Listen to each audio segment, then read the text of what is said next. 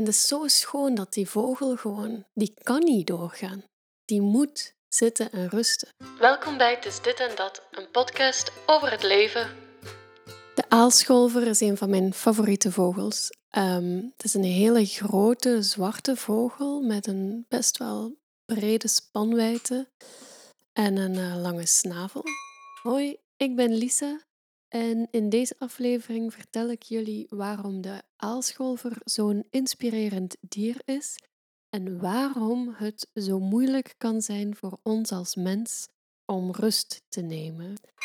En wat er zo bijzonder aan is, is um, die vliegt, die neemt een duik en al vliegt duikend kan die vis vangen. Die kan redelijk goed zwemmen onder water. Die kan best lang onder water blijven. Kan ook gewoon zoals een eentje op het water zitten. Maar wat er bijzonder aan is, is dat op het moment dat hij uit het water komt, dat die jacht klaar is, kan hij niet zomaar weer wegvliegen. Want zijn vleugels zijn nat. Bij de aalscholver is het anders dan bij de eendjes. Um, bij de eenden zijn de vleugels ingevet, waardoor het water ervan afglijdt. Bij de aalscholver is dat niet zo. En dat is best bijzonder. Dus dat betekent dat hij na de jacht, na het zwemmen, nog net wel uit het water kan opstijgen, maar hij moet al vrij snel landen omdat zijn vleugels te zwaar zijn om lange afstanden te vliegen door het vocht. Dus dan gaat hij ergens zitten op een lantaarnpaal of op een, een eh, stok, een tak in het water. En daar gaat hij zitten, checkt of de omgeving veilig is. En dan spreidt hij zijn vleugels. En dat is echt heel mooi om te zien. Hij zit dan op die tak met zijn vleugels gespreid en laat de wind en de zon zijn vleugels drogen.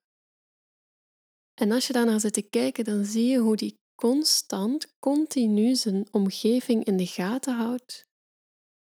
En dat die vleugels uitspreiden en van zodra hij zich minder veilig voelt, gaan die vleugels zich terug intrekken, invouwen en dan dat is zo'n soort van accordeonspel. Uitvouwen, inklappen, uitvouwen, inklappen. En als hij hoog op een lantaarnpaal zit, dan blijft hij vrij wijd uitgespreid zitten. Want het is, het is een jager, het is een grote vogel. Dus hier in België heeft hij niet veel te vrezen van andere vogels.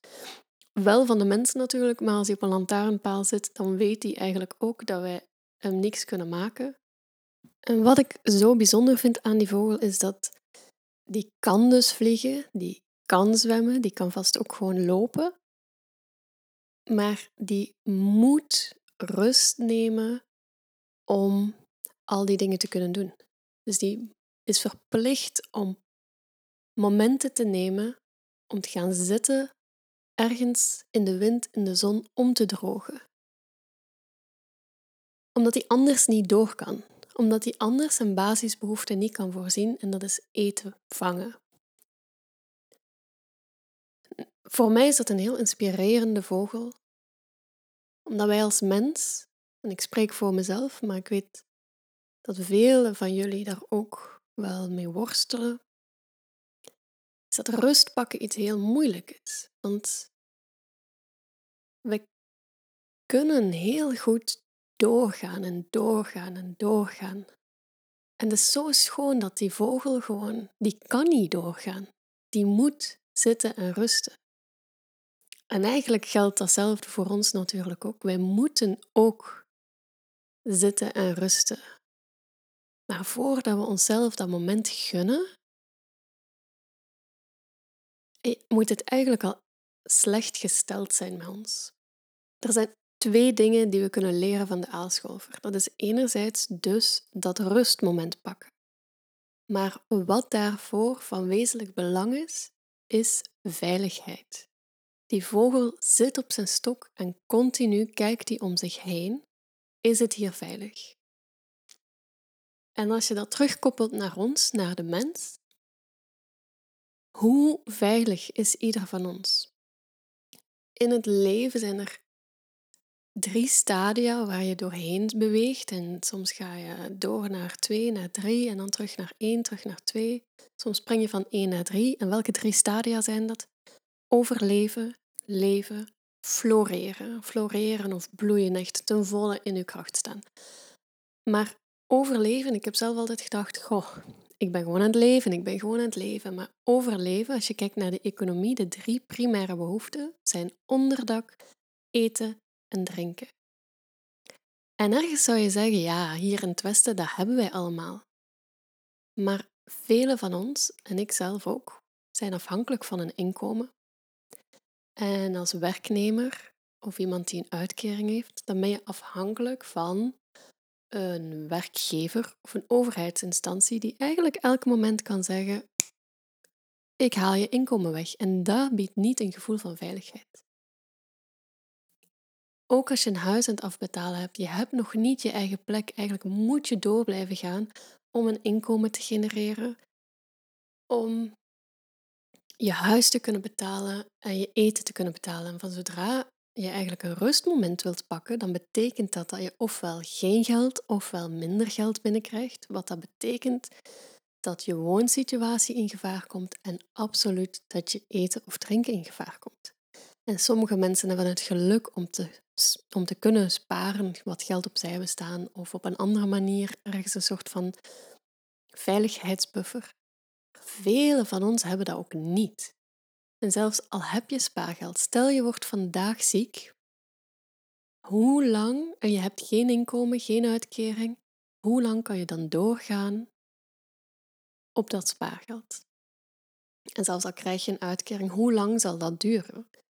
Constante controle biedt ook niet echte veiligheid. Dus dat, dat zijn eigenlijk soort van de vragen die ik wil meegeven vandaag. Hoe veilig voel jij je?